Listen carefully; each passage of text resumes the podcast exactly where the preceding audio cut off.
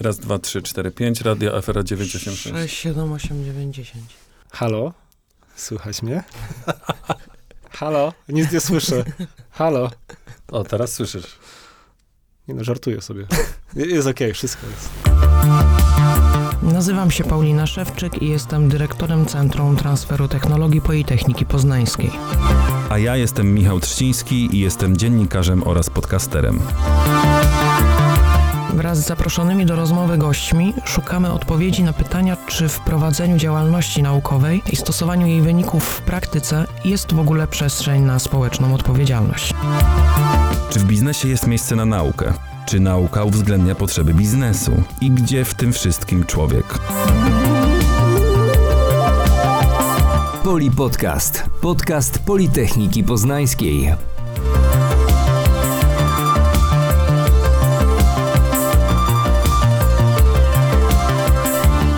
Witamy w kolejnym odcinku Poli Podcastu. Michał Trzciński. Paulina Szewczyk.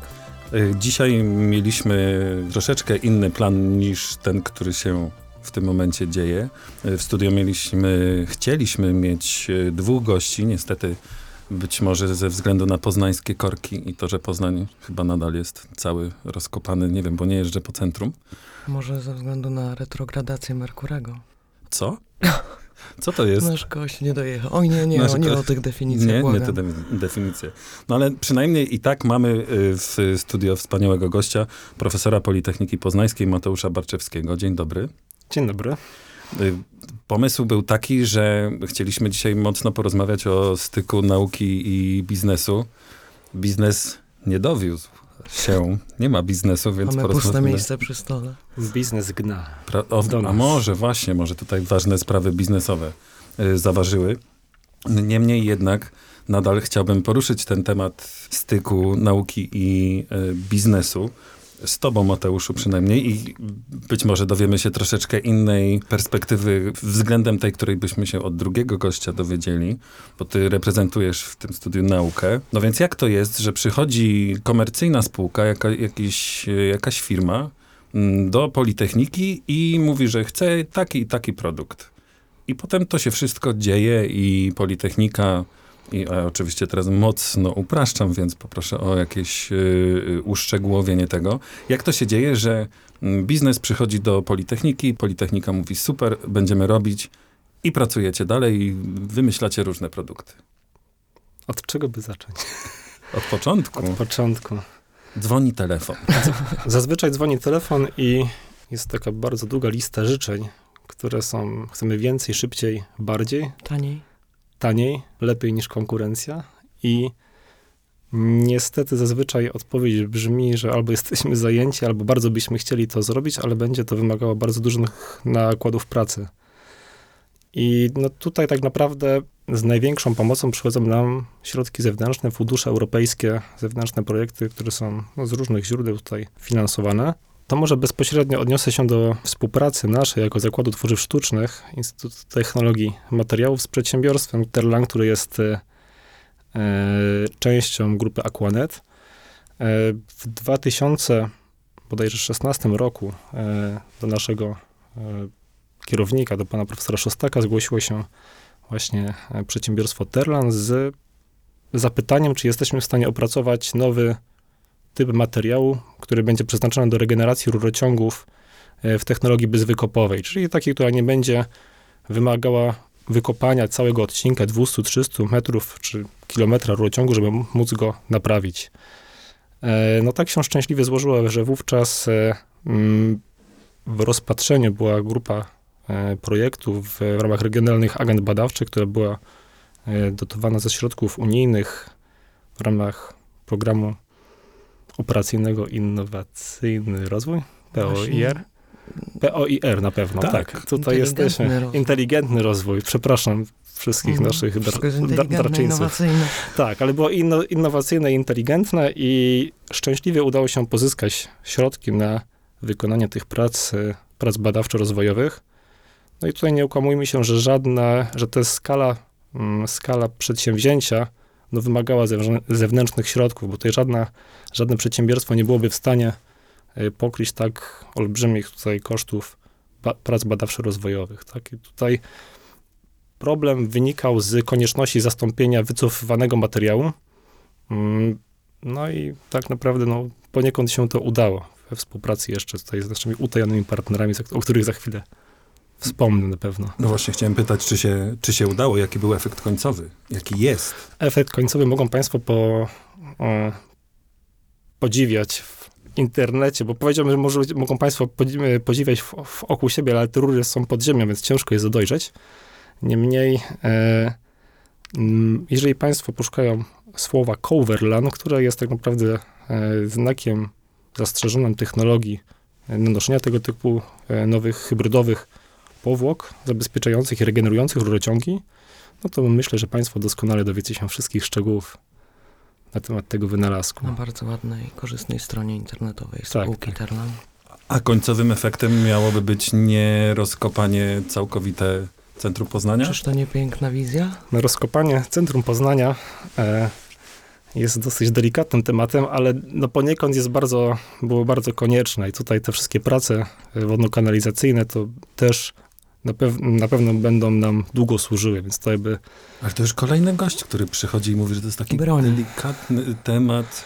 No delikatny, bo też się denerwuje, ale y, poruszając się po Poznaniu, ale problem retencji wody i też zagospodarowania tej całej y, wody, która płynie pod Starym Rynkiem, niestety jest bardzo istotny. No niemniej wracając do tematu, y, który tu- tutaj poruszyliśmy, czyli współpracy z przemysłem, no w tym przypadku przedsiębiorstwo przyszło z problemem, który musiał być rozwiązany. Uzysk- Udało się pozyskać środki, no i niestety tak się złożyło, że w myśl zasady tyle, ile my obiecamy, tego nikt wam nie da. Trzeba było te obietnice wszystkie spełnić i szczęśliwie udało się je spełnić. I tutaj myślę, że najważniejszą cechą takiej współpracy jest to, żeby się na siebie nie obrażać, ale też współpracować. I myślę, że to akurat ten przykład współpracy Politechniki z przedsiębiorstwem Terlan jest dobrym przykładem tego, że pomimo tego, że zakończyliśmy już projekt dawno temu, to cały czas te zabezpieczające powłoki rozwijamy, badamy, no bo cały czas, jak to w polimerach, bardzo wiele pytań się rodzi dopiero w trakcie eksploatacji. Tutaj nie pozostawiliśmy naszych partnerów z pustymi rękoma i, no może nie z pustymi rękoma, ale z... Nie ucięliście. Nie ucięliśmy tej współpracy i Mhm. staramy się ich wspierać, jak tylko jest to możliwe i zadawać coraz trudniejsze pytania, które nas doprowadzą do udoskonalenia naszego wspólnego produktu.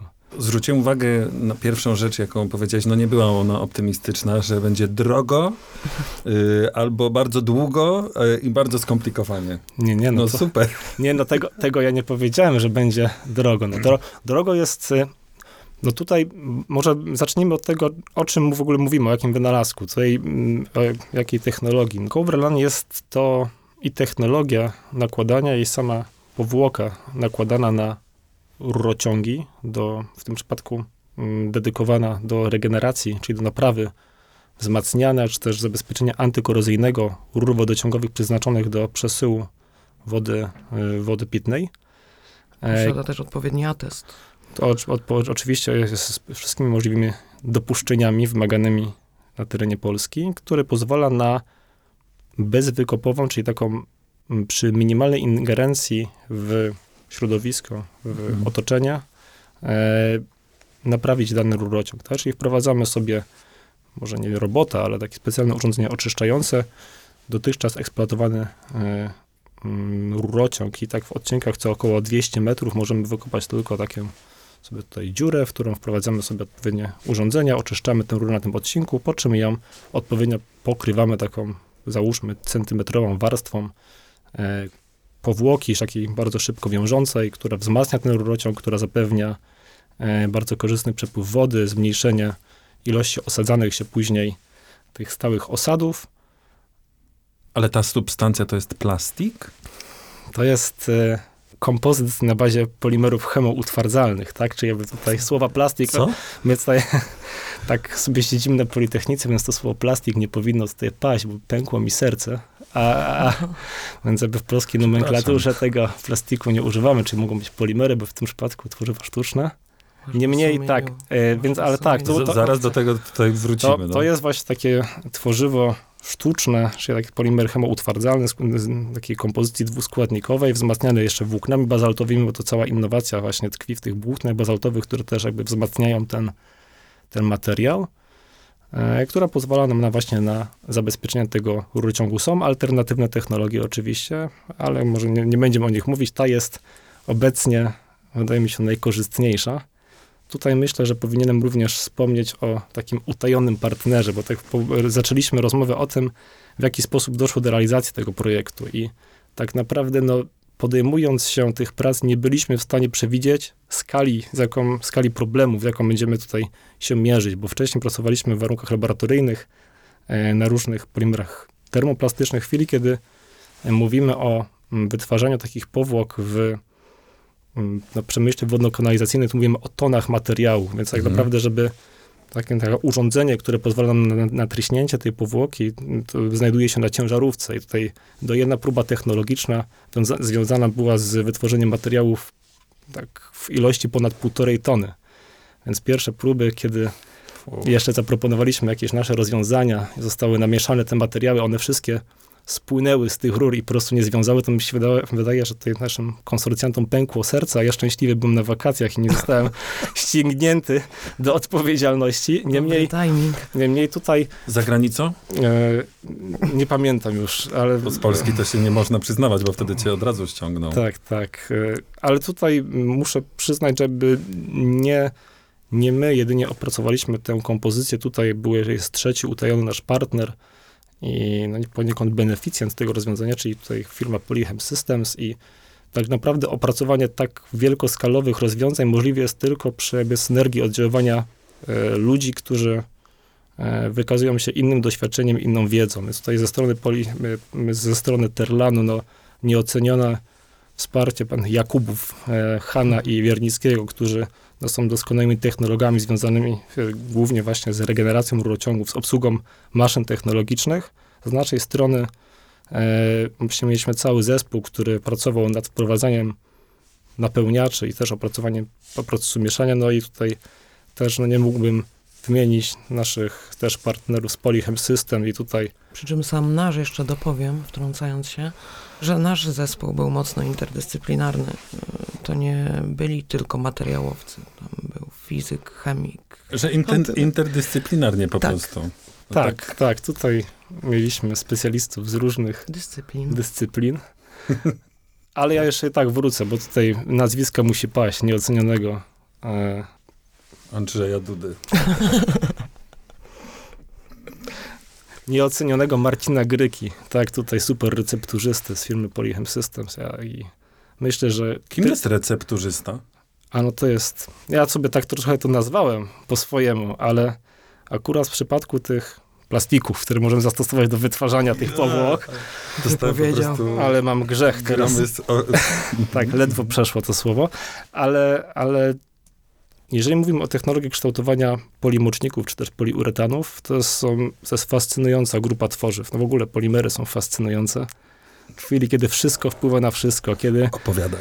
kiedy e, każde zwiększenie skali produkcji generuje niewyobrażalne problemy, które przed nami się pojawiają i konieczność zmiany podejścia, no to właśnie poliuretany są takimi materiałami, które wymagają gigantycznego doświadczenia, żeby dojść do jakiegoś celu, do określonych właściwości. Tutaj, jeżeli mówimy też o tej regeneracji rurociągów, no to e, możemy naprawiać, czy też pokrywać rurociągi od 15 do e, centymetrów do, do ponad półtorej metrowych.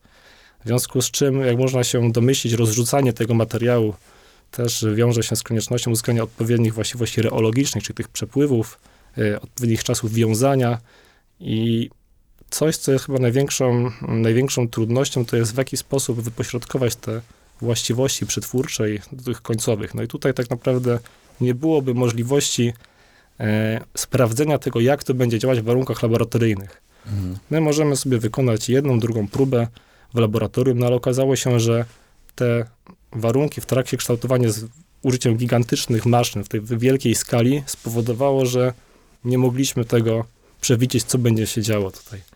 I materiały, które my opracowaliśmy, miały powiedzmy konsystencję miodu, te, które bazowo zaczęliśmy przetwarzać, miały konsystencję betonu, tak dla porównania. I jakby później w wyniku samego przetwarzania ten materiał zaczynał odpowiednio płynąć, dawał się kształtować, tylko że to nie było możliwości sprawdzenia tego w warunkach laboratoryjnych, stąd też nieoceniona rola środków zewnętrznych, o których powiedziałem i dlaczego te projekty Mhm. są tak drogie i powin, skąd, dla- dlaczego konieczne jest pozyskanie finansowania, bo nigdy w życiu żadne, żadne przedsiębiorstwo nie byłoby w stanie wyłączyć na rok, dwa czy trzy urządzenia, które pozwala im na przenoszenie jakichś określonych korzyści finansowych, żeby tylko prowadzić testy.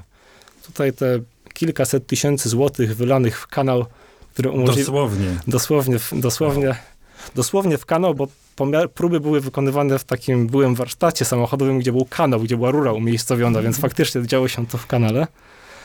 Ale tak, tutaj to możliwe było faktycznie sprawdzenie iluś tych kompozycji, które jak już było wlane w tę maszynę, no to już musieliśmy je odpowiednio przetwarzać. I po prostu fizycznie nie można tego inaczej przetestować. Nie, to w tym przypadku AI nie pomoże. AI nie pomoże. Tutaj AI nie pomoże. Były to nowe materiały wieloskładnikowe. No mówię, tak jak to ma miejsce w polimerach, wszystko wpływa na wszystko. I niestety to czyni naukę o polimerach fascynującą. To powoduje, że zadajemy sobie kolejne pytania i A kiedy się tak za, zafascynowałeś poli plastikiem? plastikiem. Przepraszam, nie chciałem, Po nie rozpoczęciu, chciałem cię urazić. po, po rozpoczęciu, po rozpoczęciu studiów doktoranckich dopiero tak naprawdę. Na studiach jakoś to nie, Naprawdę? Bo jak mówisz o tym, to wiesz, lśnisz. Błysk wokół.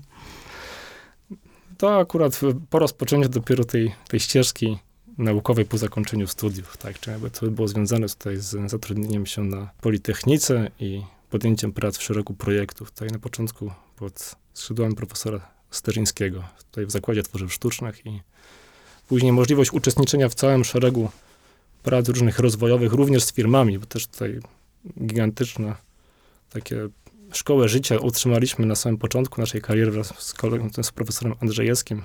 Zostaliśmy zaprzęgnięci do realizacji projektu ECOPAD, który miał na celu opracowanie pierwszego na świecie, no prawie w 100% wykonanego z tworzyw sztucznych wózka, takiego paletowego, widłowego.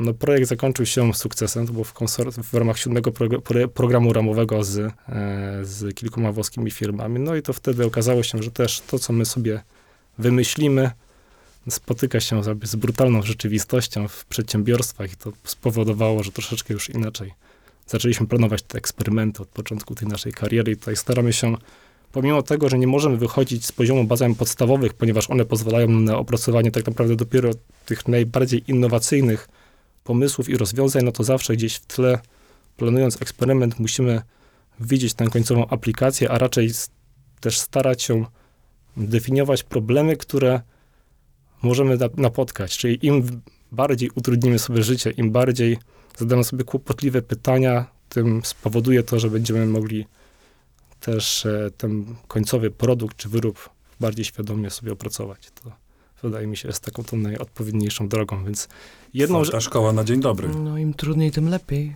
no to to bycie paskudnym względem studentów i nasłuchanie się tego przez całe, przez całe studia, tutaj jak nas tutaj każdy zadawał nam jak najtrudniejsze pytania, no tutaj poskutkowało tym, że my sami jesteśmy też tacy chyba paskudni dla samych siebie i nawet jak już opracujemy coś, co jest ciekawe, no to sobie zawsze należy zadać pytanie nie tyle, czy mogło być lepsze, tylko co mogłoby spowodować, że to mo- ten produkt nie wyjdzie.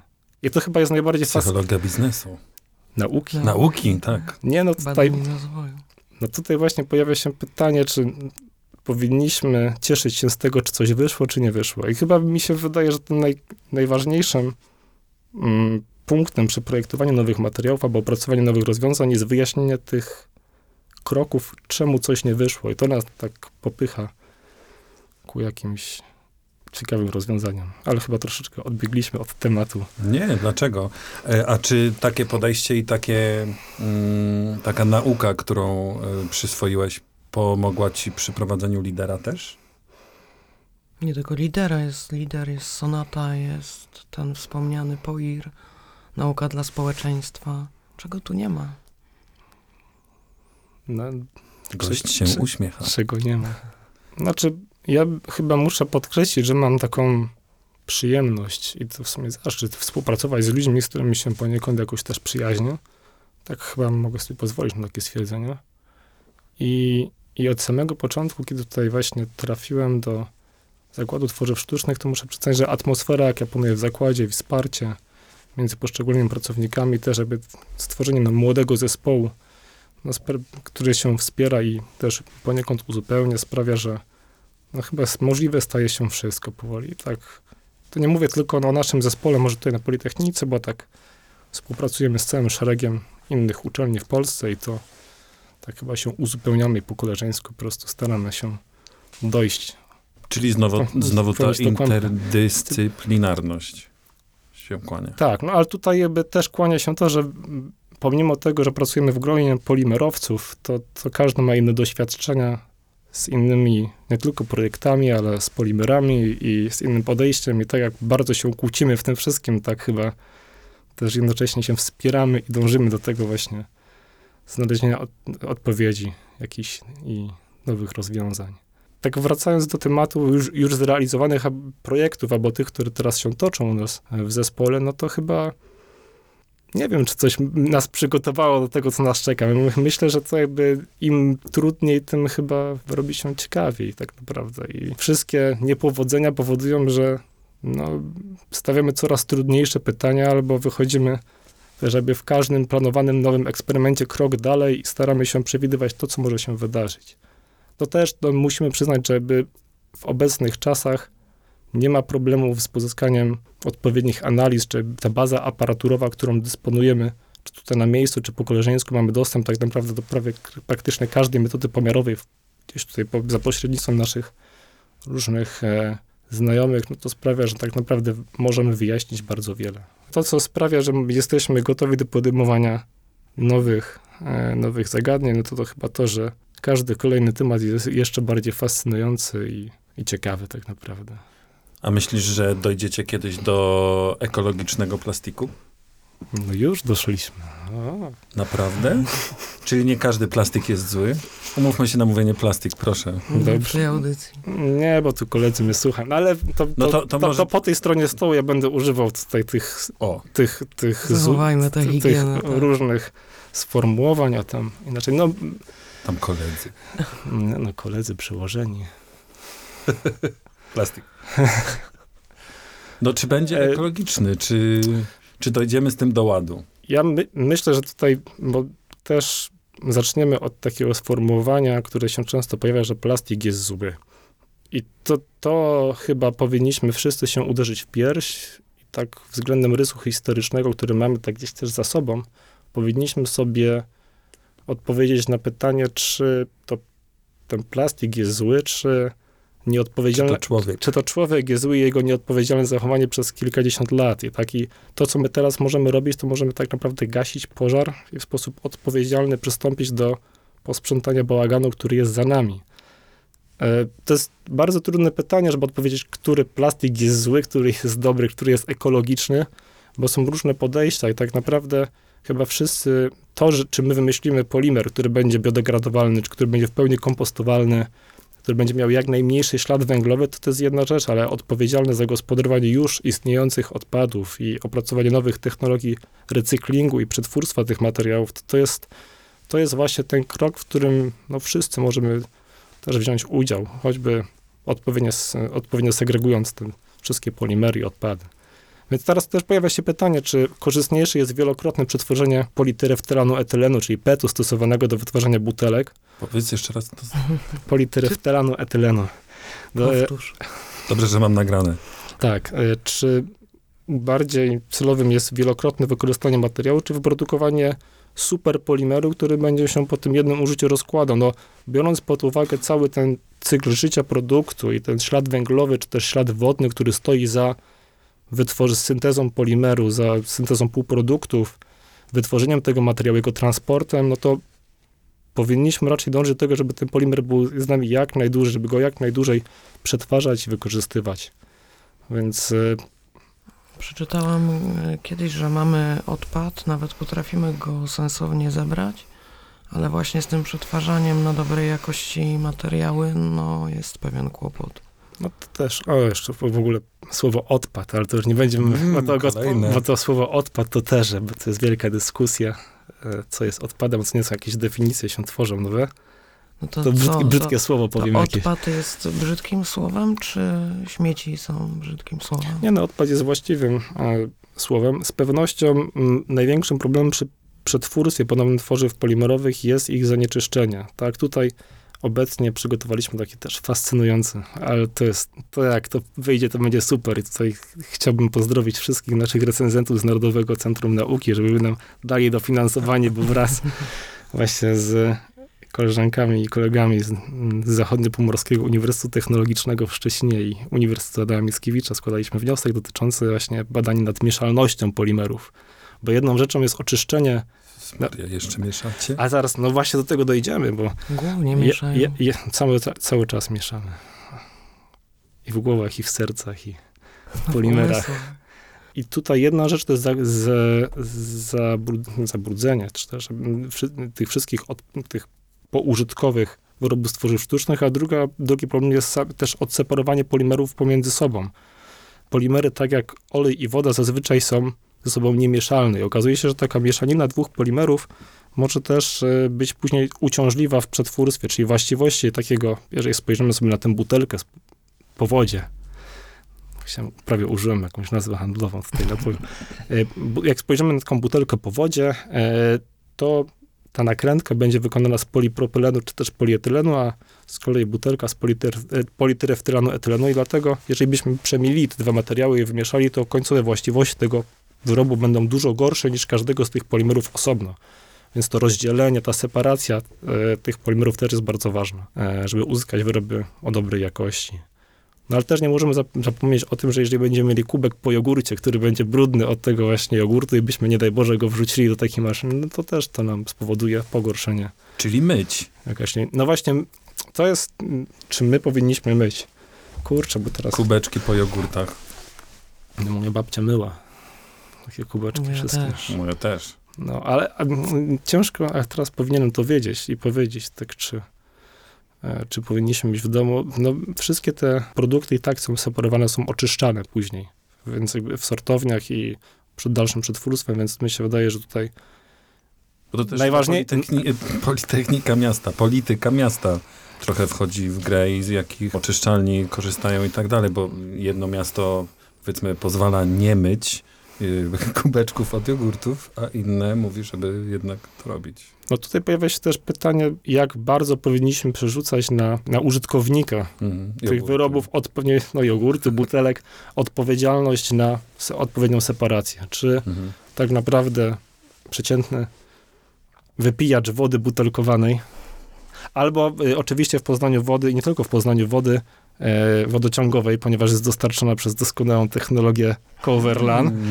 I tutaj też jakość wody w Poznaniu jest wyśmienita, ten mały placement. Czy powinniśmy wrzucać tę odpowiedzialność e, i pewną świadomość ekologiczną na samego użytkownika? Czy no, tak naprawdę powinniśmy wiedzieć, że butelki, puszki do jednego, do jednego tutaj pojemnika na odpady z drugiej strony. Czy powinniśmy mieć 15 pojemników na odpowiednie polimery? No chyba nie. No tutaj myślę, że Jestem Odpo- zwolennikiem tak tej pierwszej teorii, bo te Odpowie- niezliczone zawahania przy śmietnikach. Oj tak. Więc odpowiednia później separacja przemysłowa może być dużo bardziej efektywna. I chyba to jest tędy droga. To ja mam jeszcze jedno pytanie z troszeczkę innej działki, ale też w tym temacie. Bo się czasami mówi, że a ten, a taka butelka będzie się rozkładała przez 400 lat. Skąd się to wie, że 400, a nie 500? Przecież nie sprawdzili tego. No nie sprawdzili. No to Ale ponoć już, staro, już starożytni Czesi wytwarzali, wytwarzali polietylen i możemy... Nie, no tutaj tak, to są pewne domniemania Mm. i my możemy stworzyć warunki, które będą odzorowały jakieś wielokrotne nagrzewanie polimeru, czy też jego e, ekspozycję na jakieś warunki zewnętrzne, ale to, to są wszystko tylko przewidywania, więc tak naprawdę czas pokaże, co z tymi polimerami będzie się tak naprawdę dosłownie. działo i dlatego mam nadzieję, że dołożymy wszelkich starań, nie tylko my, ale też nasi koledzy i koleżanki z innych jednostek i też na całym świecie i przyszłe pokolenia naukowców, aby móc ten problem rozwiązać. Chyba to tak. Amen.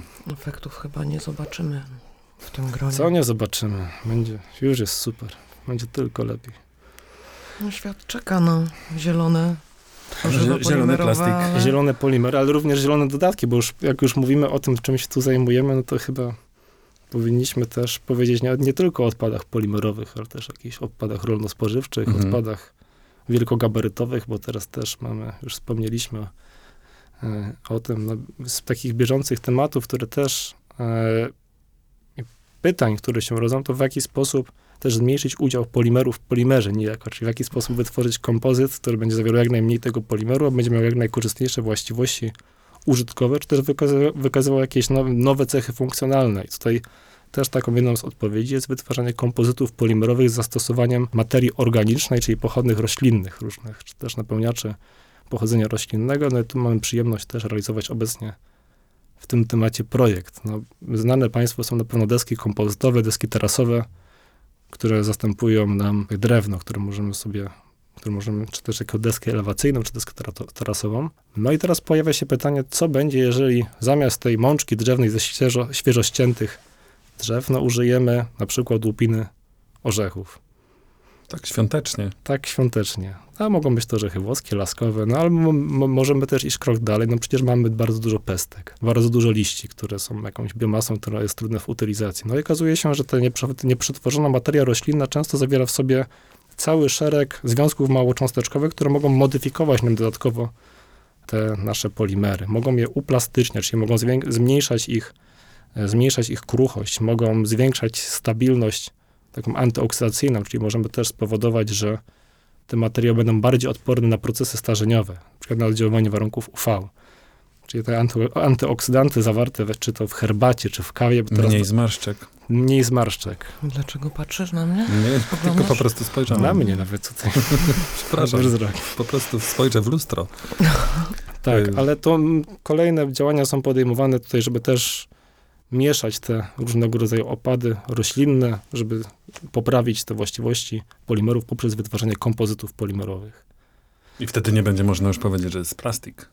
No będzie można, będzie trzeba. Zawsze to, to, to będą kompozyty polimerowe. Tak cały czas Kompozyty. kompozyty. Zaspokoimy aspiracje branży, by wpisywać się w gospodarkę obiegu zamkniętego.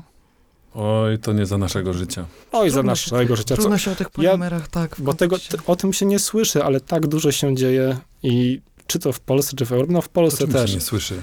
No słyszy się cały czas, się słyszy, bo się źle słucha, ale się dzieje bardzo dużo. Tutaj jakby, jak gdziekolwiek się nie rozejrzymy, na jakikolwiek uniwersytecie są prowadzone no, super działania. W całej Polsce są fajne prace prowadzone naprawdę i efekty są rewelacyjne. No tutaj my akurat zajmujemy się głównie zagospodarowaniem różnego rodzaju biomasy w postaci właśnie tych napełniaczy lignocelulozowych pochodzenia roślinnego. No to akurat nasz kolega Jacek Andrzejewski też e, działa z wytwarzaniem biowęgla no i zastosowaniem jego do, czyli popirolitycznego takiego właśnie napełniacza węglowego, który pozwala na modyfikację polimerów, no ale w Polsce również wytwarza się przykład biopoliole z posmażalniczych olejów. Tutaj mogę wspomnieć nasze, naszych, e, nasze koleżanki i kolegów z Politechniki Krakowskiej, z którymi mam przyjemność współpracować. Więc tutaj też możemy pianki poliuretanowe, takie jakie w studiu tu nas otaczają, wytworzyć z takiego właśnie na przykład też Ładne. oleju po fryturze. Radioafera ma sobie szansę, od- ma szansę Ej, odświeżyć właśnie. sobie. Ale ponoć nie pachną, wnętrze. ponoć nie pachną, ponoć... Bo to jest stołówka, na pewno trochę oleju się znajdzie. Tak, no tutaj wszystko przed nami. Olej swoją drogą też ciekawa substancja do utylizacji. Tylko dążąc też do tej odpowiedzi na pytanie, czy my nie jesteśmy w stanie opracować ten plastik idealny, to to chyba i tak i nie, bo to Och, jak zwykle nie ma prostej odpowiedzi. nie ma prostej odpowiedzi i chyba to wszystko zależy od nas, jak później będziemy z nim postępować tak naprawdę. To ostatnie moje pytanie, które być może będzie prostsze. Plastikowe y, waciki do uszu, tak czy nie? Szukać takich drewnian, drewnianych, czy jednak... No ale ta, ta, tam chyba patyczek tylko był polimerowy, a ta końcówka to chyba była No. bawełniana, tak mi się wydaje. No to jeszcze mieszane. No ale to szukać w tym sklepie drewnianego, czy nie? No nie, no tutaj musi być Chyba papiero, już. Chyba nawet taka, taka była kampania społeczna, entliczek, pętliczek, odpływ zatkał patyczek. I, to, i chyba, i to Nie- wymyśliłem tego. To... I nawet była taka resna... Byłoby super, gdybyś Będę właśnie o to tobie wymyślił. myśl, I- myśleć. tak Kurczę, no niestety nie, nie, aż, aż taki pomysłowy nie jestem. To myślę, że to jest najwa- bardzo wiele tych patyczków lądowało niestety tutaj właśnie w odpływach. No i okazywało się, że tutaj okazuje się, że te papierowe patyczki, one potrafią zmięknąć i przepłynąć na te tworzywowe, są, Nie będzie plastikowe- wiesz, pod Poznaniem rur. są na tyle dobre, są tam, To wszystko Nie będą te naruszać. polimery są takie wytrzymałe, są takie No super, właśnie. no, że one się nie ugną temu, co w tych rurach płynie. I one tam będą silnie stawiały opór. A landlord mówi, że w tych rurach płynie, oj płynie. Profesor Politechniki Poznańskiej Mateusz Barczewski, bardzo dziękujemy. Dziękuję bardzo. Pozdrawiamy pana Łukasza Rybackiego, prezesa Terlanu, naszego dzisiejszego niegościa. Pozdrawiamy, dziękujemy. Dziękujemy. To był Poli Podcast. Podcast Politechniki Poznańskiej. Muzyka Marek Biliński. Lektor Patryk Ignaczak. Identyfikacja wizualna Wojciech Janicki. Nagrania zrealizowano w studiu Radia Afera w Poznaniu. Audycja dofinansowana ze środków budżetu państwa w ramach programu Ministra Edukacji i Nauki Nauka dla Społeczeństwa.